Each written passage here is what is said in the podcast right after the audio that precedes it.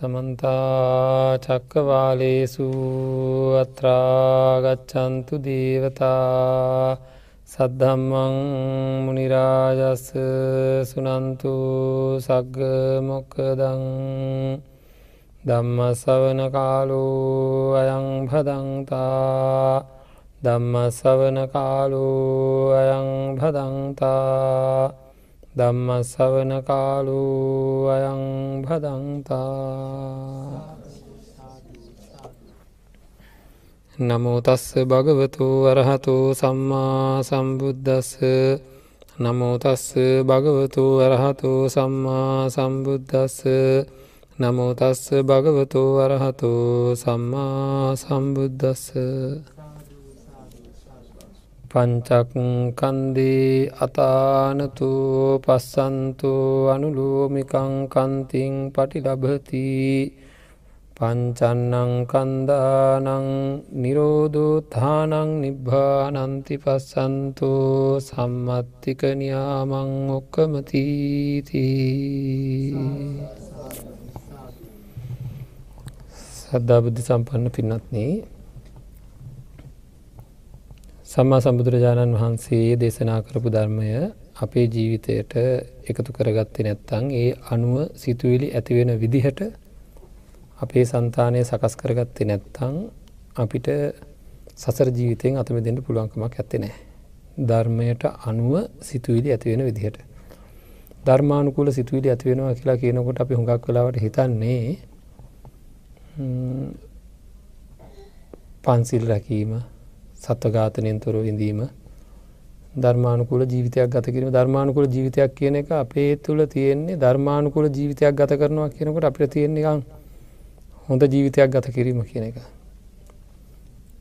ධර්මානුකූල සිතුවිලි එක ජීවත් වෙනවා කියනකොටත් කියන්නේ නිකන් හොඳට ජීවත් වෙලා හොඳට මැරිලා යනවා කියන තැනින් නවතිනවා අපි. එහෙම එකක් නෙවෙයි. ඊට වැඩිය ගොඩාක් එහා ගිය දෙයක්. ධර්මයට අනුකූල ජීවිතයක්. ධර්මයට අනුකූල ජීවිතයක් කියනකොට ඒ ජීවිතය ධර්මයට අනුකූල නොවන තැන් තියෙන්ට විදිහ නෑ ධර්මයට අනුකූල නොවන තැන් තියෙන්ට තියන්න නේද? එම පංචුපාදානස්කන්දය මොහොතකට හෝ නිත්‍යයි කියල හිතනන එක ධර්මයට අනුකූලද? පංචුපාදානස්කන්දේ මොහොතකට හෝ සැපයි කියල හිතනන එක ධර්මයට අනුකූලද? ද පංචුපාදානස්කන්දය මොහොතකට හෝ ආත්මයි කියල හිතරන එක ධර්මයට අනුකූලද? එන එක ධර්මානුකූල ජීවිතන්නේ නේද ධර්මයට අනුකූල නොවන තැන් ඕන තරම් තිනක ධර්මානුකූල ජීවිතය කියන එක අපි බොහොම යට යට කොටසකට දාලා තියන්නේ. සත්තු මරන්න හොරකං කරන්න නෑ නරක වැඩ කරන්න පරසු වචන කියන්නේ නෑ ඉතින් හොඳින් ඉඳලා හොඳින් මැරලාන ජීවිතයකට කියන ධර්මානුකූලය කලපි ඒක පහත් මට්ටම.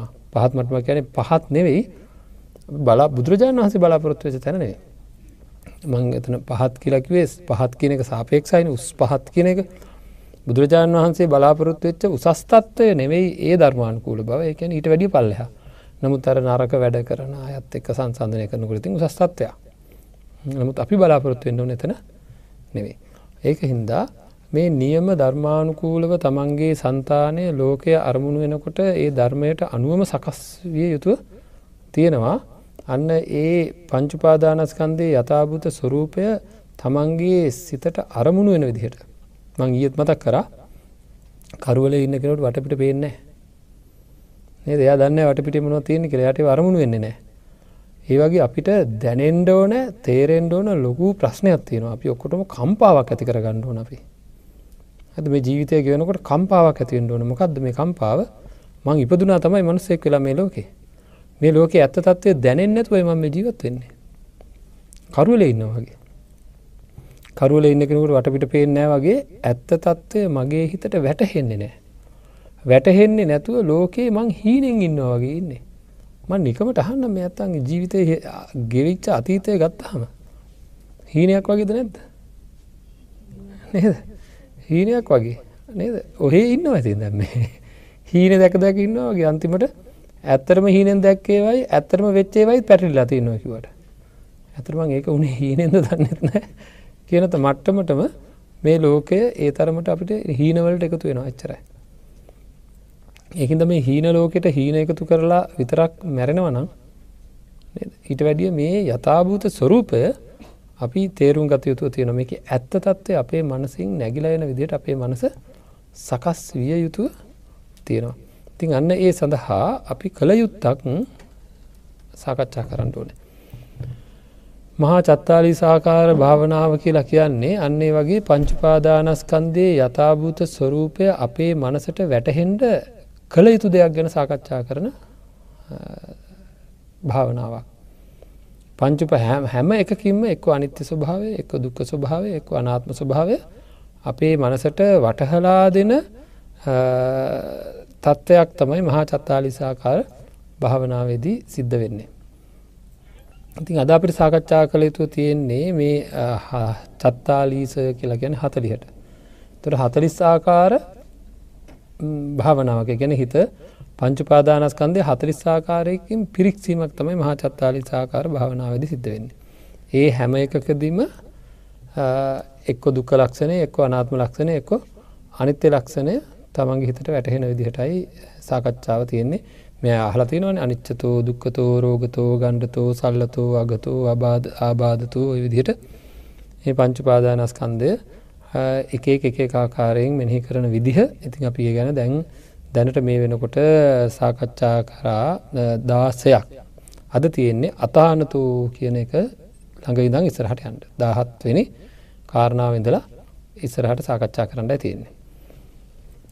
අතහනතෝ කෙනකේ තේරුම මේ සත්වයාව අපිව මේ පංචුපාදානස්කන්දය අපිව ආරක්ෂා කරන්නේ නෑ. අපි නම් හැම්විලේ මෙයා වල්ලඟ ඉන්නවා. මං කාවරි අල්ලගෙනන්න මගේ ආරක්ෂාව සදා වෙන කොරන්ට දෙයක් නැති හින්ද. එතකොට එයා මාව ආරක්ෂා කරන්න නැත්තං අල්ලගෙන දීමේ වැඩත්තේ නොද නේද අල්ලගෙන දීමේ තේර්මක් නෑ.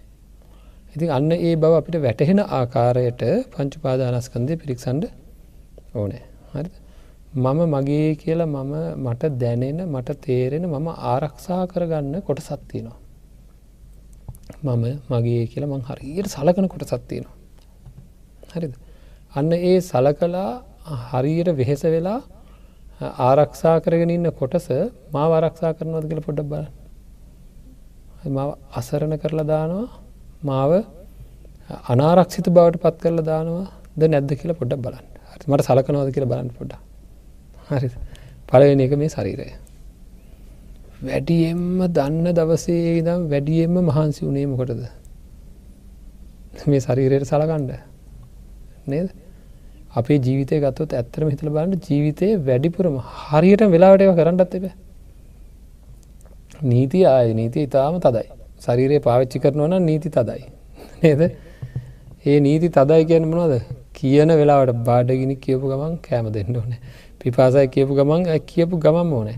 එයා නීතිය දැම්මොත් එම දැන් කාපිව එලියට දාන්නඩන වෙලාවයි කියලා ආයනෙවෙයි ජනාධිපතිතුමා ළඟ හිටියත් විදායක බලතලවලටත් බෑ ශරීරයෙන්ගෙන නියෝගය වෙනස් කරන්න. නේද? එතකොට ඒ වගේ මේ ශරීරයට මම මේකට මම මේක සැතැප්පුවා මේකට සීතල ලබා දුන්නා ඌස්නය ලබා දුන්නා ආහාර ලබා දුන්නා නින්ද ලබා දුන්නා එක එක සාත්තු කරලා දුන්නා ලෙඩ වෙනකොට හදලා දුන්නා ඔක්කෝම කරලා දුන්නා. මඟහන මේ ඇත්තන්ගෙන් ඔය ශරීරය මේ ඇත්තන්ට පිළිසරණක්ද? අසරණ කරන්න නැද්ද? ජාති දුකෙන් අතමු දුවනවද ජරා? ශරිරය ජරාවට පත්වෙනවද නැද්ද? මොනවා කරත් එයා ජරාවට පත්වෙනවා. නේද? ඒ ජරාවට පත්වෙන ස්වභාවයෙන් දුකින් මුදවන්නේ නෑ. ඒ ආරක්ෂා කරන්නේ නෑ. නේද? මේ ශරීරයේ ම මෙච්චර සලකනවා කියලා. අනේ ජරාවට පත් නොව ඉන්ඩුවන මෙයාමට කොච්චර සලකනවාද කියලා. නේද? මගේ කියලා ගත්ත මේ ශරීරය මට පිහිටකට සරණකට නෑ. නේද? යා යා කැඩි කැඩී බිඳි බිඳී නේද? ජරාවට පත්වමින් හම රැලි වැටමින් කොන්්ඩෙ සුදුවමින් රිදෙමින් නේද?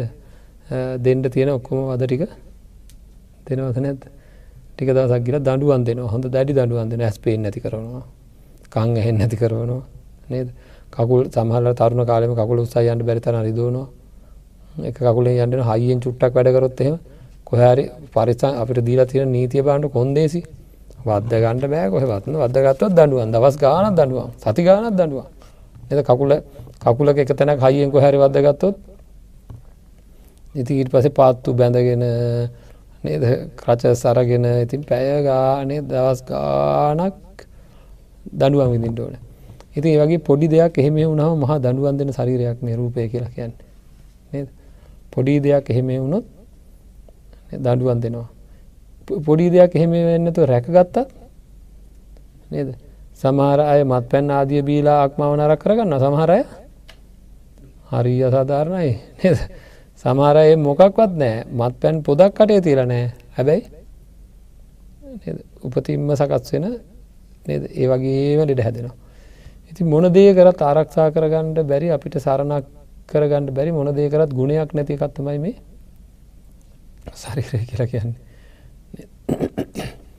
එතකොට ව්‍යාදීට පත්වෙන එකෙන් යානවත්තන්න මරණයට පත්වන කොයි වෙලා හරි කොච්චර සැලකුවත් මොනව කරත් මේ ශරිරය මරණයට පත්වෙනවා. එතකොට මේ වගේ දේකින්ද අපි මේ ලෝකයේ මේ ආරක්ෂා බලාපොරොත්තුවෙන්. මේ වගේ දෙකින් ආරක්ෂා බලාපොරොත්තු විය යුත්තේ නැතම් වෙන දෙකින් බලාපොරොත්තු යුතුද.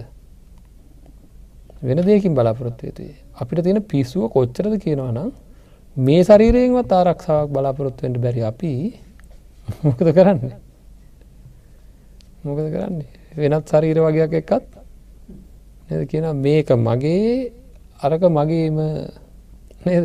තව ශරීරයකට කෙන මගේම කියලා. එයාටවක්වත් ආරක්ෂා කරගන්න බැරි ශරීරවලින් අපි ආරක්ෂා ප්‍රාර්ථනා කරගන්නවා. අන්තිමට මරලතවනි විතර ඉතුර වෙන්නේ.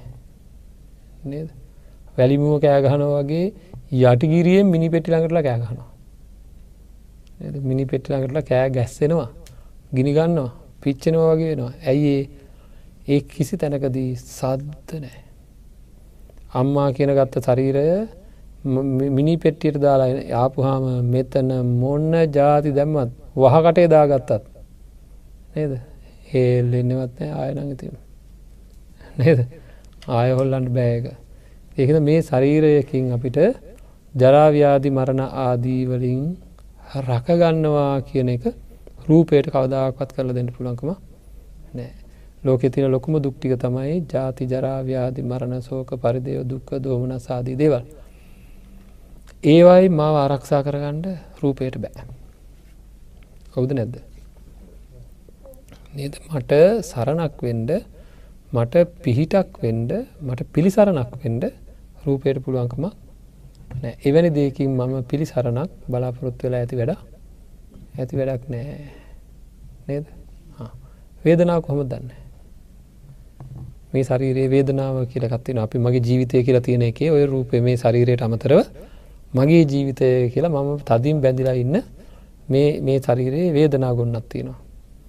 ආගේ වේදනා ගොන්න තමයි සුකවේදනා දුකවේදනා අදුක් අසුක වේදනා ඇතිවෙන එක. ඒ වේදනාවල් අඩුම ගානේ වේදනාවල් දන්නවද? ඒ ඇතිවෙන වේදනාවල් දන්නවද? මගේ ශරීරය ආශ්‍රයකටගෙන ම පුදුම පුළුවන් තරන් දුක්විඳවා කියලා. නේද? ඒක එක්තරා මේ ශරීරය ආශ්‍රය කරගෙන නැතිවන වැඩ පිළිවෙලක් විතරයි. නේද? එතකොට ඒ වේදනාවල් වලට පුළුවන්ද මගේ ජරාදුකයින් කරන්න? මට ඇතිවෙන දැ මම මගේ බලාපොරොත්තත් වෙන ජීවිතේ. ජීවිතය මගේ බලාපොරොත්තුවක් තියෙනවා. මං හැමදාම් මතක් කරනවා හැමෝගෙම එකම බලාපොරොත්තුවක් තියෙනවා කියලා. ඒකට හැම්බිලි ඒ මතක් වෙන්ඩ ඕන. මොකක්ද අපිට තියෙන එකම බලාපොරොත්තුව? නිබන්ධව නිරතුරුව සැපවේදනා ඇති කරගෙන ජීවත්වීම සැපෙන්ඉන්ට සැපෙන්ඉන්ට සැපෙන්ඉන්ට නේද? ඉති ඒකින්ද ඒ වේදනා ඇතිවෙන්ට අවශ්‍ය කරන බොහෝ දේවල් මං ඒක රසි කරගන්නවා. නේද? ගයක් හදාගන්නවා ටිකල් ලොකුවට ලස්සනට හදාගන්නමකද පේනකොට සැපවේදන ඇතිවෙන්ට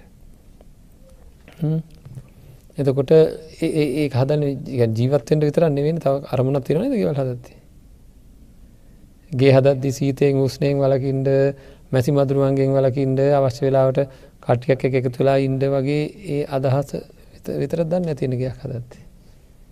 නැහිට වැඩි ගොඩාක් එහාටගිය තව නේද? ඒගේෙන් මගේ තත්ත්ව පෙන්නන්ට තව නේද? දරාගණ්ඩ බැරි තරම් ලොකූ දේවල් වගේ අත්තිනවා ඒ වගේ නිකං පටු දේවල් වගේ කරමුණු කරගෙන ඉතින් ඒ හදන්නේ ඒක දැක මට සතුට වෙවීන්ට ඒකන වේදනාවගෙන විශවාසලමට අදහත්වන මෙච්චරගයා කදාගත්තොත්තා කොහොමද සන්තෝසමින්ට පුළුවන් කියලා. ඒ මං මගේ මට දැනට හිතන විදිහම වේදනාව ගැන විශ්වාසය තියෙනවා.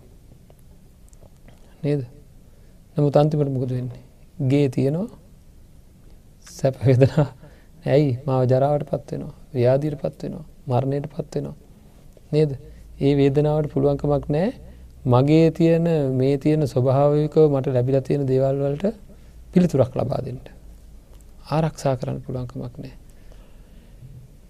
ඒ එහෙනම් ඒකෙන් මම පිළිසරණක් පතලා ඒකෙන් මම යම් කිසි පිහිටක් පතලා වැඩක් නෑ නමුත් අපේ වැඩේ මොකක්ද වාහනයක් ඕනෑ මෙට්ටයක් ඕනෑ හොඳ මෙට්ටයක් ඕනෑ නේද? ඇයි සැපවේදනා ඇති කර. හොඳ කෑම රස කෑමම ඕනෑ කියලා. රස කෑම ඕන කියලා පැය ගානක් මහන්සිලා රස කෑම හොයාගෙන දාගන්න අපි ගානෙන් එක භාගයක් කනකොට සැපවේදනාව ඉගිරිලා ගියා.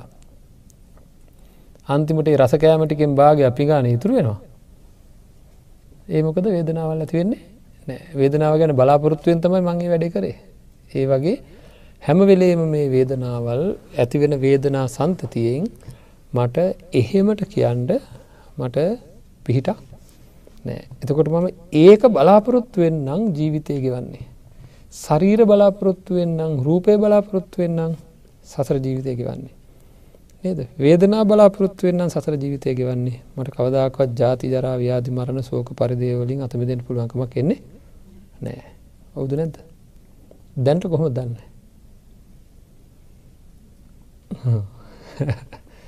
දැනට කොහොම දන්න? ඉතින් කල්පනා කළ බලන්න ඕන.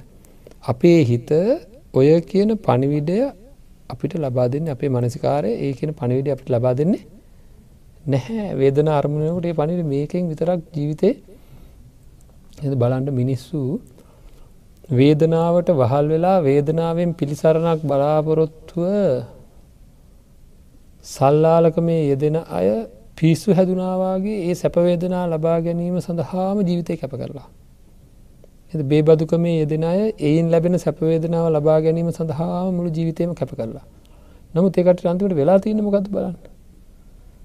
නේද. සල්ලාලකමට අදාළ දේවල් ඒ අයට නැති වෙනකොට ඒ අයට මේ වේදනාවෙන් පහර ලැබෙනවා. නේද සැපවේදනා ළඟා කරගත්ත වාරගාන වැඩිවෙන්ඩ වැඩිවෙන්ඩ එක දවසකට සැපවේදනාව නැතිවෙනකට මුකද වෙන්නේ අධික්කතර වූ පීඩනයක් රත්වීමක් දැවීමක් නේද? පාරවල්ල යනකොට පේනවා. නොඒකුත් මද්‍රව්‍ය පාවිච්චි කරලා.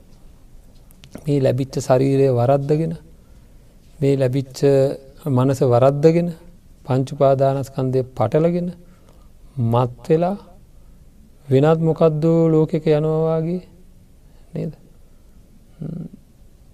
ඔළුව නරක් කලා එහට මෙහට දුවන ගතිය. මිනිස්සුන්ගේ ඇයිඒ ධර්මයෙන් පෝෂණය වුණේ නෑ. පොඩි කාලෙදම් පංචුපාදානස් කන්දයම සරණකොට පිහිටකොට ආත්මකොට නොතේරුම්කම හින්ද නොදැනෙන හින්ද ඒ මත්තේම විනාස වෙලා යන ස්වරූපය ඕනෑ ඇතරන් දකිින්ට ඕන ඇතරන් දකිින් තිනවා ඒ හැම්ම කෙනෙක් දිහාම් බලලා කව දාකවත් අපි පිළිකුලෙන් නේද? මේ වගේ මිනිස්සු කියලා අප්‍රසන්නව පිළිකුලෙන් පහත් කොට නොසැලකිය යුතුයි. ඇයි? ඒක සම්පූර්ණයෙන්ම වැරදීමත්ද නැද්ද? නේද? ඒ සම්පූර්ණය වැරදීමක්. ඒ විතරක් නෙවෙයි. තමන්ගේ සහෝදරිය දූෂණය කරලා පුංචි ළමයින්ව දූෂණය කරලා ඒ වගේ අයදිහා පවා අපිට පින්නත්නි ධර්මානුකූලව යම් හැඟීමක් ජනිත කරගන්නට පුළුවන්ගේ හැම කෙනෙක් කෙරෙම අනුකම්පාවෙන් බලන්න පුළුවන්කම තියෙන්ට ඕනද නැද්ද? ඇයි? ඒකට්ටිය වේදනාව තුළ පිළිසරණ පතන්ට කියලා යාලට නවත්ත ගණ්ඩ බැරි ඕගයක්. නවත්ත ගණ්ඩ බැරි සැඩ පහරක් පාලනය කරගණ්ඩ බැරි වේගයක්. ඇත්ත වැහෙන ස්වභාවය දැඩි ලෝභය තුළ තියෙනවා. රාගය තුළ ඇත්ත වැහෙන ස්වභාවය තියෙනවා. මොනවා වෙනවද කියලා දන්නේ නැති ස්වභාවය තියෙන මොනව කරනවද කියලා දන්නේ නැති ස්වභාවය තියෙනවා. මොහොතකින් ආය සිහිය උපදිනතර වෙන්න ඕන දේ වෙලා ඉවරයි. ඉතින් ඒ වගේ පංචුපාදානස්කන්දයෙන් පිළිසරණ ප්‍රතාගත කට්ටිය විටක තාත්තාව මරනවා. හිටක අම්මා මරන්න තත්වට පත්වෙනවා. වැඩි කාලයක් මනුස්ස ලෝකයට වැඩිය පහත් ලෝකවල ඉපදිලානන්ත අප්‍රමාණ දුක්විදිනවා. ඉට පස්සේ ආය උඩ පැත්තට ඇවිල්ලා ආය බොහෝ පාපයන් කරගෙන ආය පල් හැට වැටනවා. මේ සංසාර ජීවිතය අපාය පැත්තට ලිස්ස ලිස්ස ලිස්ස ලිස්ස අමාරුවෙන් ඉන්නවා. අපාය පැත්ත ලිස්සන හැමලේ හැම භවයක්ම ලිස්සන්න කොයි පැතරද. අපාය පැත්තට ලිස්සනවා හරි අමාරුයි ලිස්සන තැනක ගොඩ එන්න කොහොමද. අපිතුමු ලිස්සන ලිස්සන ලිඳකට වැටුන නම් ලිම් බැම්ම දිගටම ලිස්සනවන ගොඩ එන්නේ කොහොමද ලිස්සන්ට ලිසන්ටය පල්ලහටම වැටනව වගේ මේ සසරයේ තියෙන මහා භයානකමත් තියෙනවා. ඇති මේ ලිස්සන ලිදෙන් ගොඩ එන්ට තියෙන එකම අවස්ථාව තමයි සම්මා සම්බුදුරජාණන් වහන්සේ නමක් ලෝකට පහළ වෙච්ච වෙලාව. එවැනි වෙලාවක තමයි පින්නත්න අපි මහා හැඟීමක් ඇති කරගන්නවන ඉක්මනට අපේ හිත හදා ගණ්ඩෝනේ. හරි ඉක්මනින්ම කරගණ්ඩ ඕනේ මේ හිත වෙනස් කරගණ්ඩ ඕනේ පංචුපාදානස්කන්දයෙන් පිළිසරණක් බලාපොරොත්තු වෙන මේ හිත පංචුපාදානස්කන්දයෙන් පිළිසරණක් බලාපොරොත්තු නොයන විදිහට මනසිකාරය සකස් කරන්න ඕන.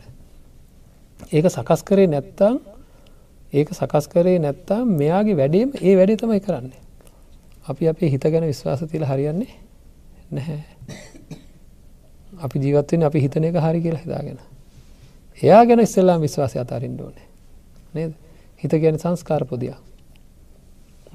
හිත ගැන විඤ්ඥාන පොදියක්.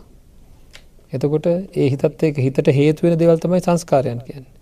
ඒ සංස්කාරයන් නිවැරදි නැත්තං. හේතුවෙන දෙවල් නිවැරදි නැත්තං. අපිතු නායකෙත් පත් කරගන්න අපි රටක. නායකයා පත් කරන්නේ ප්‍රජාචන්ත්‍රවාදී චන්ද ක්‍රමයකින්. හරිද නායකයට හේතුවෙච්ච වැඩි දෙනෙක් දුස්සීලායන. ඒ නායකයා මොන වගේ නායකෙද හැදෙන්නේ. දුසිල නායක හැතෙනවා. ඇය දුස්සීලා චන්ද දෙන්න කාටද. දුස්සිලට කොච්චර හොඳයි හිටියත් ඒ අයට හම්බෙන්නේ. ඒවගේ හිත කියන්න නායකයනම්. චන්ද දෙන කට්ටිය චෛතසිකටිකනම්. හරිද. අකුසල චෛතසිකයන් හේතු වෙලා හැදෙන්නේ අකුසල සිත්මයි. ඒ සිතට කවදාක්වත් නද මේ පංචුපාදානස්කන්දය ඇත්ත වැටහෙන්නේ නෑ. හරිද ශාන්ත වෙන්නේ නෑ. ඉතින් ඒක හින්දා අපි අපේ මනසිකාරය නිවැරදි කරන්න ඕනෑ බලවන්ත කරගණ්ඩ ඕනෑ කාවද කුසල සිතුවිල්ල. හැම අරමුණකදීම අපිට කුසල සිතුවිල්ල බලවන්ත වෙන විදිහට අපේ මනසිකාරය සකස් කරන්න ඕනෑ හරි හොඳ එන වේදනාව ගැන අපිට මෙනෙහි වෙන්ඩෝන වේදනාව ගැන මතක් වෙනකොට දැන් අපි ඔය හැම තැනකදීම තේරෙන්ඩ ඕනේ. මම රහට තේකක් ඉල්ලන්නේ ඇයි? කලින් වින්ද වේදනාවක් විදින්ට වෙන මොකක්වන්න ඒක කොච්චරලා දන්න තියෙන්නේ දිවේ ගෑවෙන මොහොත විතරයි. නේද? එතකොට හැම තැනකදීම මම තේරුම් ගණ්ඩෝ නෑ ආහාරයක් දැක්කහම පවා ඕනෑම තැනකදී මේ මාත්‍රිය වේදනාවක්. මේ මත්තය තමයි මම නහින්න. මේකද මගේ ජීවිතේ කියලපිට තේරෙන්ඩෝන ඒක ඒක සරණ කොට නෙවෙයි ඊට එහා ගිය දෙයක් තියෙනවා කියලා දැනෙන්ට ඕන. ඉළඟට සංඥාව කියලා ගත්තහම ඒ ඇතිවෙන සංඥාවන්නලට පුළුවන්ද පින්නත්න නොඒකුත් දෙවල්මට මතක් වෙනවා. නොඒකුත් සංඥාවන් ඇති වෙනවා. එතකොට ඒ සංඥාවන්ට පුළුවන්කම තියෙනවද? අඩුම ගානේ මාව සුවදායක තත්ත්වයට පත් කරවන ඒවා විතරක් එවලා අනිත්‍යව නොයවා ඉන්ඩවත් අඩුම ගානින් මට ආදරේ නන්නේද මං හැමදාම කියන්න මළගෙදරක් වෙලා දැඟඉතින් ටික දවසක් යන්තන් හිත හැදීගෙනාව මැරිච්ච කෙනාට අදාළ යාළුවෙක් කම්පුුණු මැරිච්ච කෙනාට අදාළ ඇඳුමත් දැක්කොත් එයාට අදාළ සිින්දුවක් ඇහුණොත් නේද? පිට පිට පහර දෙනවාද නැත්ත අමතක් කරන්න හදනවා හදනවා හදනවා හදනවා සමහරේවා අමතක් කරන්න හදන්ට හදන් හදන් හදන් හදන් හදමකද වෙන්න? එක දිගට එක දිගට එක දිගට එක දිට අමිහිරි මතකයන් අමිහිරි සංඥාවන් රත්වීම් දැවීම් ආශ්‍රව සහිත සංඥාවන් ඇවිල්ලා සමහර ඇත්තන්ට මේවා දරාගණ්ඩ බැරුව කෝච්චිට පවා පයින්ඩනවා නේද? එතකොට මාව නිදහස් කරන්නේ නෑ. ඒ නොඒකුත් සංඥාවන් ඇවිල්ල අකුසල සංස්කාරයන් සකස් කරනවා. නේද? ලෝබ දේශ මෝහ ඉර්ෂයා ක්‍රෝධ වෛර මාන්න ආදී නො ඒකුත් දෙවල් සකස් කරනවා. එතකොට පංචුපාදානස්කන්දෙහි තියෙන සංස්කාර ගොන්නත් සංඥා ගොන්නත් කියන ඔකෝම පින්නත්න මාව ජාති ජරා ව්‍යාධි මරණ සෝක පරිදියවලින් බේරගන්නේ නෑ. මේ අකුසල සංස්කාරයට මා බේරගන්න පුළුවන්කමක් ඇත්තේ ඇති නෑ. ඒවයි මට සරණක් ඇති කරන ආදරය කියනක පස්සේ අපි හබාගෙන ගියා. නේද? මම ඇත්තන්ගෙන් හනවා හරි ගියාද? නේද? හම්බාගෙනගේ හැමදාම. හිතුවේ මේ ලැජ්ජාව අපිට නෑ. අකුසලයෙහි බය අකුසලෙහි ලැජ්ජාව තියෙන්ට ඕනේ. අකුසලයෙහි බය ලැජ්ජාව කියන අපේ සන්තානවල නැත්තේ මොකද? අපි ගැන මෙහි කරේ නෑ. ලැජ්ජාවෙන්ට වෙලා තියන මේ පංචු පාදානස්කන්ධ ඇත් එක ජීවත්වල ලැජ්ජාවෙන්ට වෙලා තියෙන අපිට. ඇයි? හැමදාම රවට්ටලද නැද්ද? හැමදාම අපි රවට්ටලද නැත් බලන්න පොඩ්ඩක් හිතලා.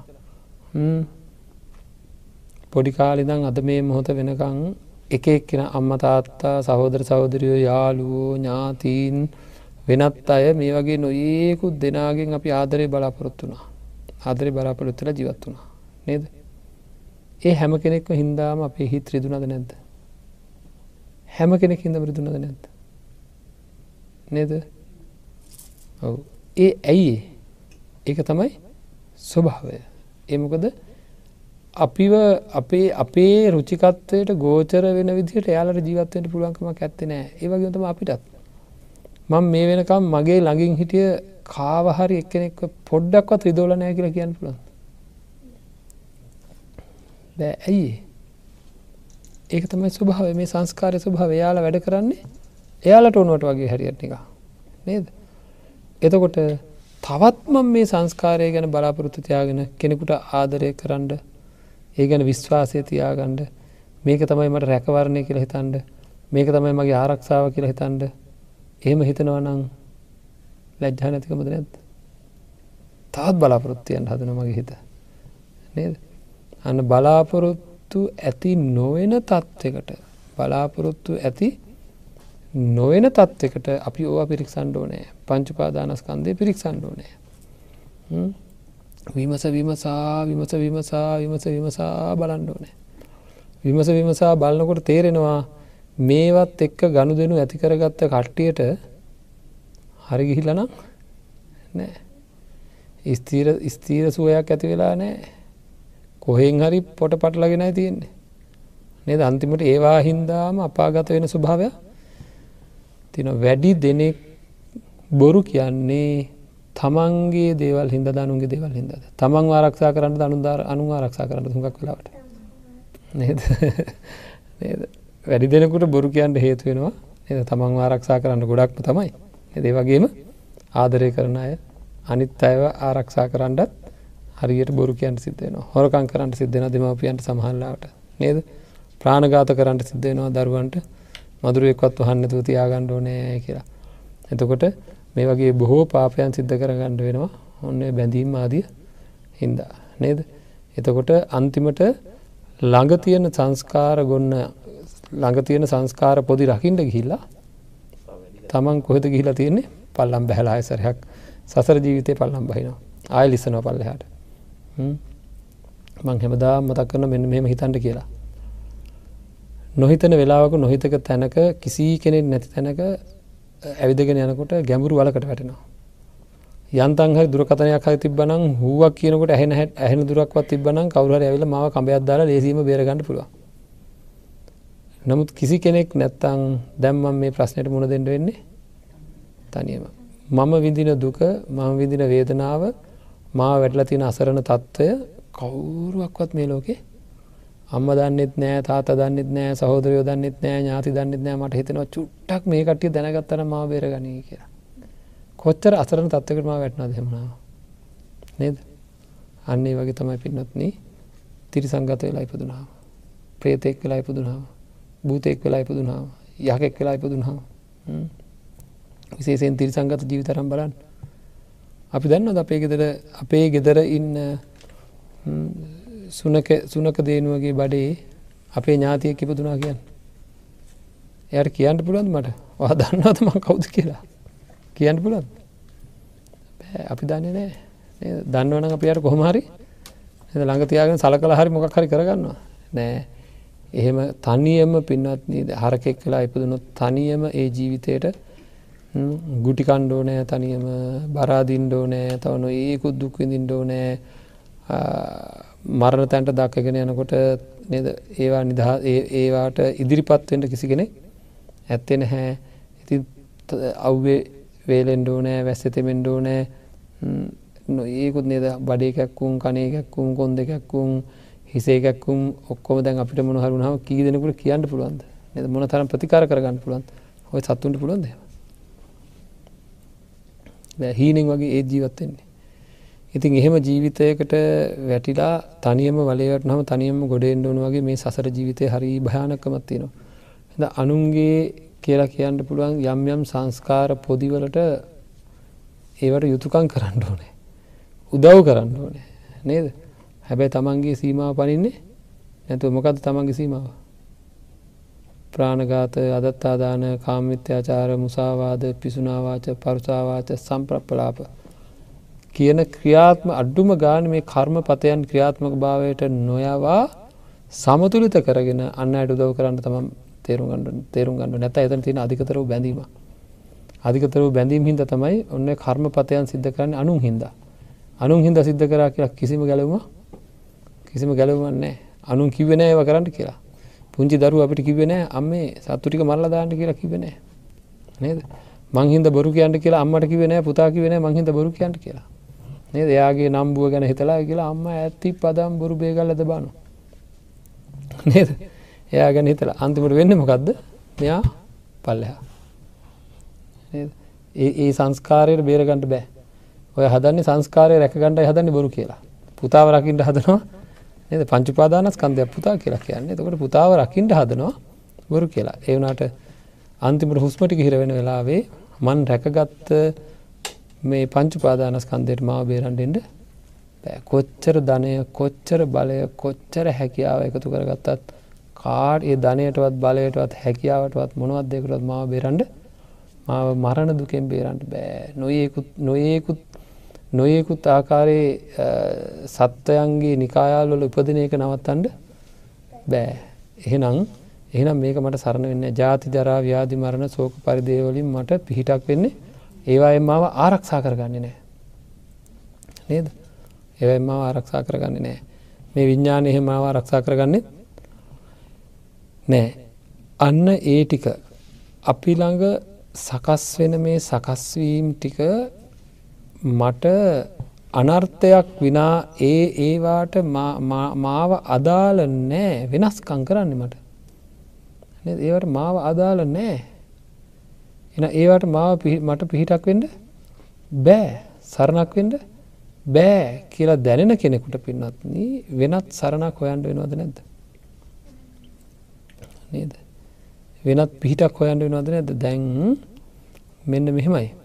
බුදුරජාණන් වහන්සේගේ ධර්මය තුළින් ඔය වගේ අපි මෙනෙහි කිරීම කරනකොට පින්නත්න්නේ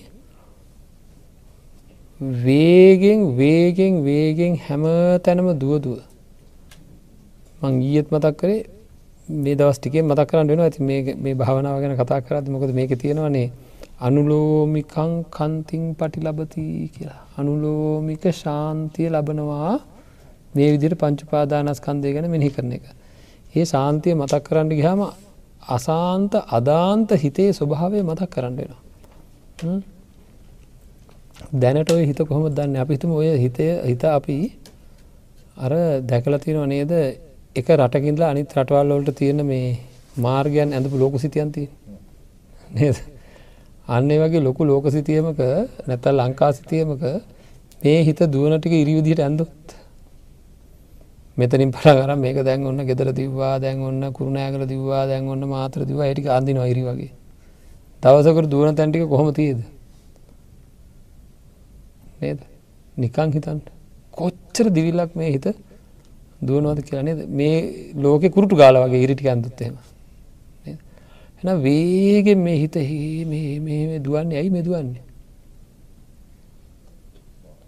ඔන්න බලන්න ඇයි දුවන්නේ කියලම හරිටම කියන්න හරි? හිත දුක් වෙනවා. හරි. හිතට පාලු දෑනකොට ඒක දුකක්ද නැද්ද? නේද? එතකොට ඒ අර යම් කිසි යම් කිසි අකර ප්‍රියන්ගෙන් වෙන්වීමේ දුකක් දෑනකොට මෙයා අතීත මතකයන් ඔස්සේ දුවලා ඔන්න ඉන්නවද පරණ වෙච්ච දේවල් ගැන හිත හිත ඒක හිතලා මොකද කරන්නේ? ඒකෙන් මොකද කරන්න? පිළිසරණක් හොයන්ඩ යනවා. නේද?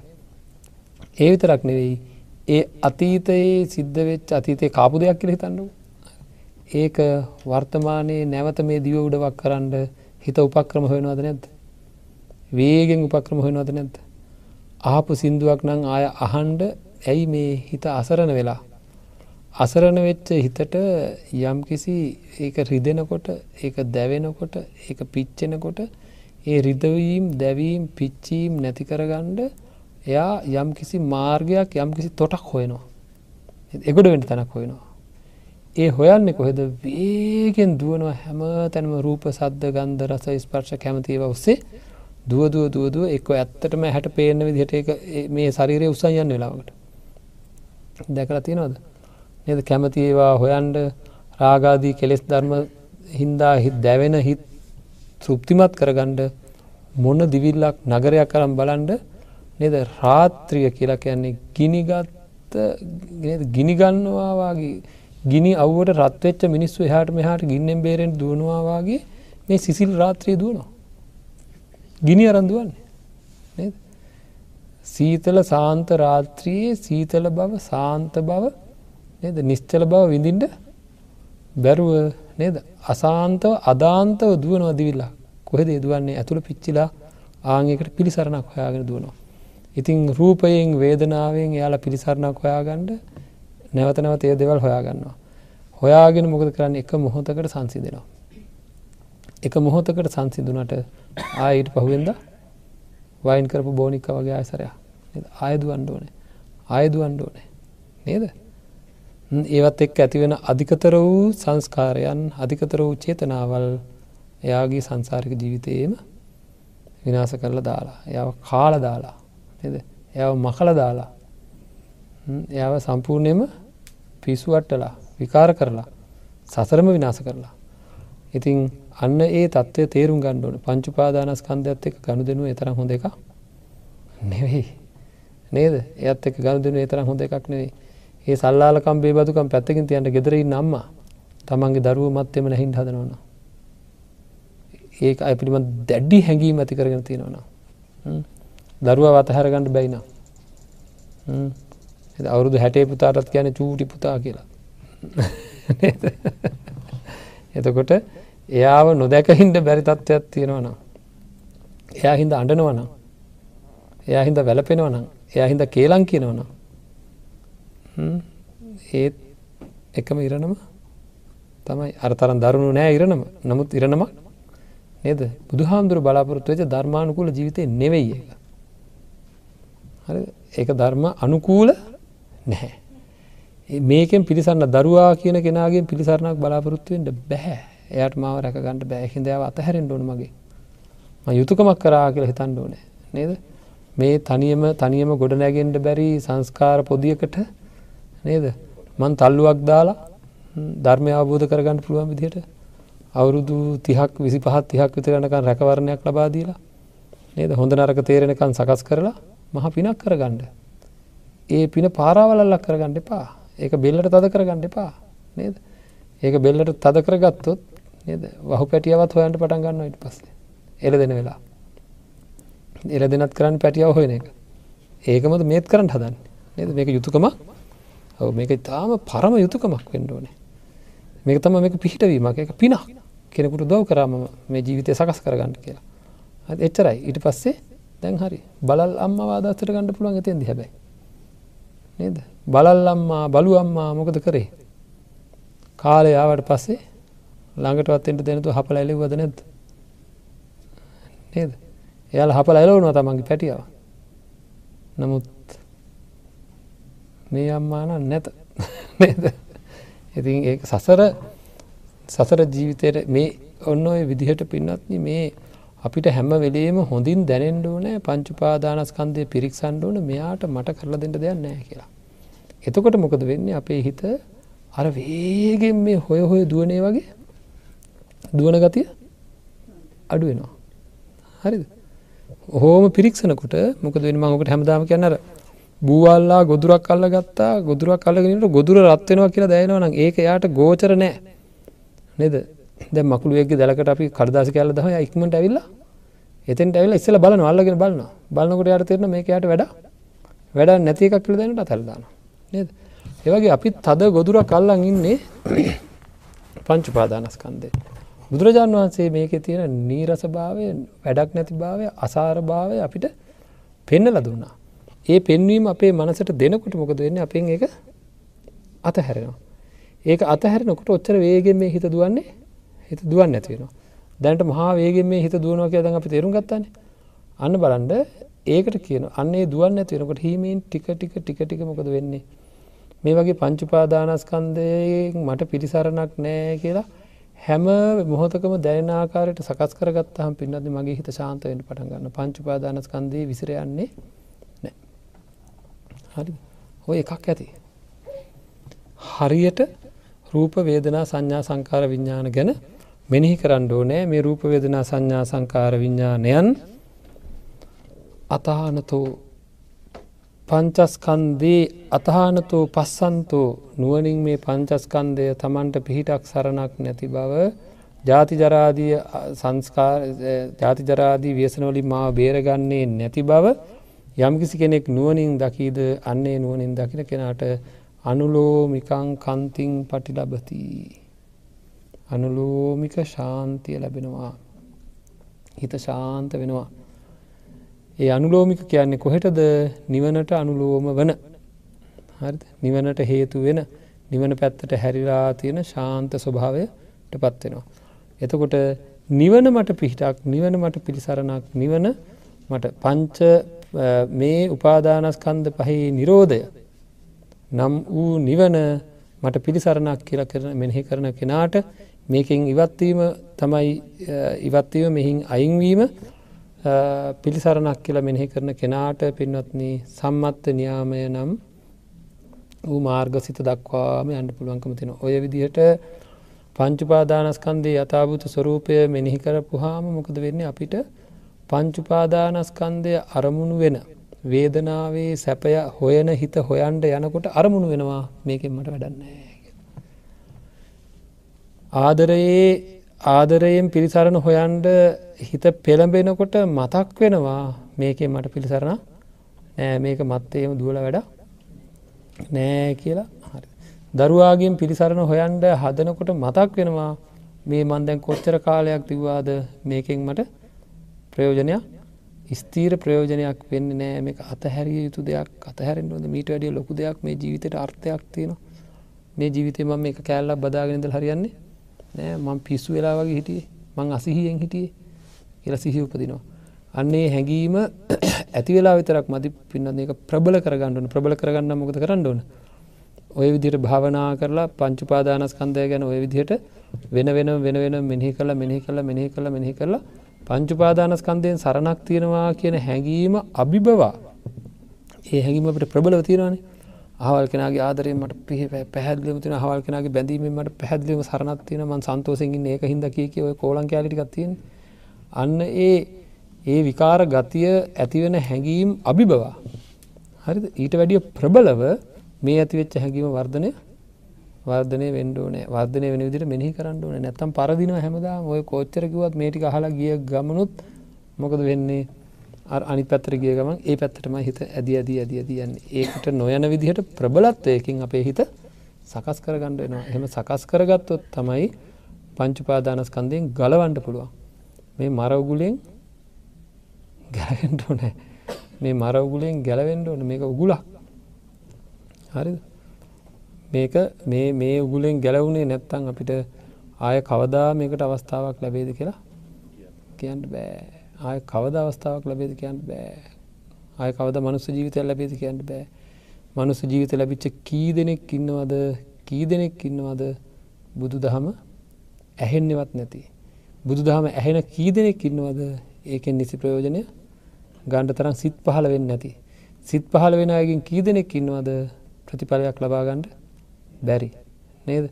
ඒහිද මේ ලද අවස්ථාවෙන් උපරිමයක් කොට ප්‍රයෝජනය ගත්තේ නැත්තං සසර අතර මං වුණොත් විදින්න උදු කොච්චරද කියන්න බෑ. ඒකද සම්මා සමුදුරජාණන් වන්සේ දේශනා කරේ මාත්‍රයක්වත් අකුසලේ අනු දකින්නේ නෑ කියලා. මාත්‍රයක්වත් එක මොහොතක්වත් අකුසලේ අනු දකින නෑ කියලා. තනියම ඉපදිලා තනියම ප්‍රශ්නවලට මුණ දෙමින් නෙවේද ඉන්නේ? නේද? ඔයකට ඇතුළ හොඳට දැනවද වෙන කාටුවක්වත්? තමන්ගේ ඇතුළේ තියෙන වේදනාව තමන්ගේ ඇතුළේ තියෙන පීඩනය තමන්ගේ ඇතුළේ තියෙන ප්‍රශ්නය වෙන කාටවත් දැනෙන්නෙම නෑ. තනියම ජීවත් වෙන මම තනියම ප්‍රශ්නය සඳ ගණ්ඩෝනේ ඒකට එකම පිහිට සරණ ධර්මයයි. එකම පිහිට සරණ බුදුරජාණන් වහන්සේ.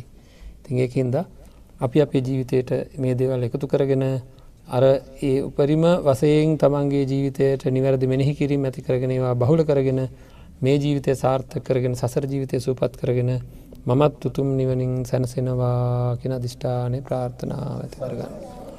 ආකා සට්ටාච බුම්මට්ටා දේවානාගා මහිද්දිකා පුඤ්ඥන්තන් අනුමෝදිත්වා චිරංරක්කං තුසාසනං චිරංරක්කං තු දේශනං චිරංරක්කං තුමං පරංතිී